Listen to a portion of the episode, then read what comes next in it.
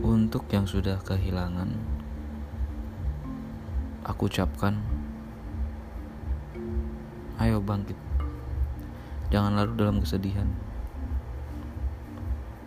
Buat apa kita berlarut dalam kesedihan? Kita harus semangat. Kita juga harus bahagia. Kita berhak bahagia. Ayo teman-temanku bangun.